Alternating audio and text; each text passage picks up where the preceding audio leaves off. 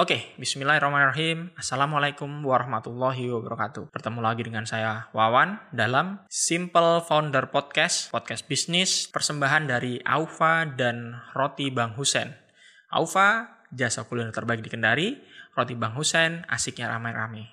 Jadi, pada saat direkam podcast ini, Aufa Baking Class akan mengadakan kelas terakhir tahun ini, kelas cookies yang insya Allah dilaksanakan besok pada hari Sabtu. Jadi podcast ini juga persembahan dari Alpha Baking Class, platform belajar baking terbaik di Kendari. Masih dalam rangka tantangan 30 hari bersuara, hari ini saya akan ngomongin tema makanan yang saya tahu tujuan manusia untuk uh, membeli makanan, tujuan manusia untuk mengkonsumsi makanan itu banyak hal. Tapi salah satu dari uh, bukan salah satu, malah mungkin tujuan utama mengkonsumsi makanan itu adalah untuk mendapatkan energi supaya dia tetap hidup atau tetap bisa mempunyai tenaga untuk melakukan kegiatan selanjutnya. Apa itu makanan untuk? Kalau ada pertanyaan kepada saya, apa yang membuat saya berenergi? Apa makanan saya sehari-hari dalam tanda kutip ya makanannya ya, yang membuat saya berenergi uh, menjalankan bisnis? Itu tentu uh,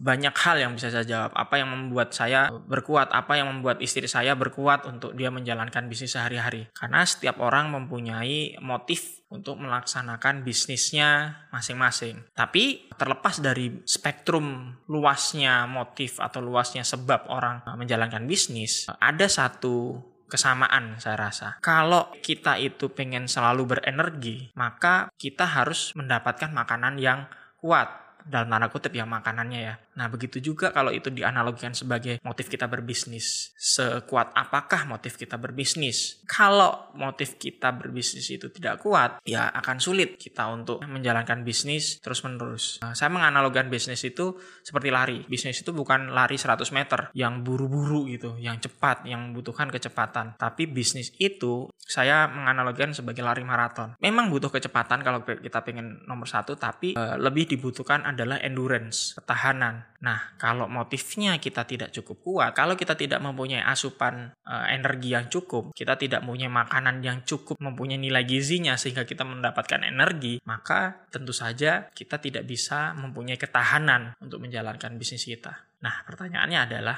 sudah cukup bergizikah makanan Anda? Terima kasih sudah mendengarkan podcast kali ini. Wabillahi taufiq walhidayah. Wassalamualaikum warahmatullahi wabarakatuh.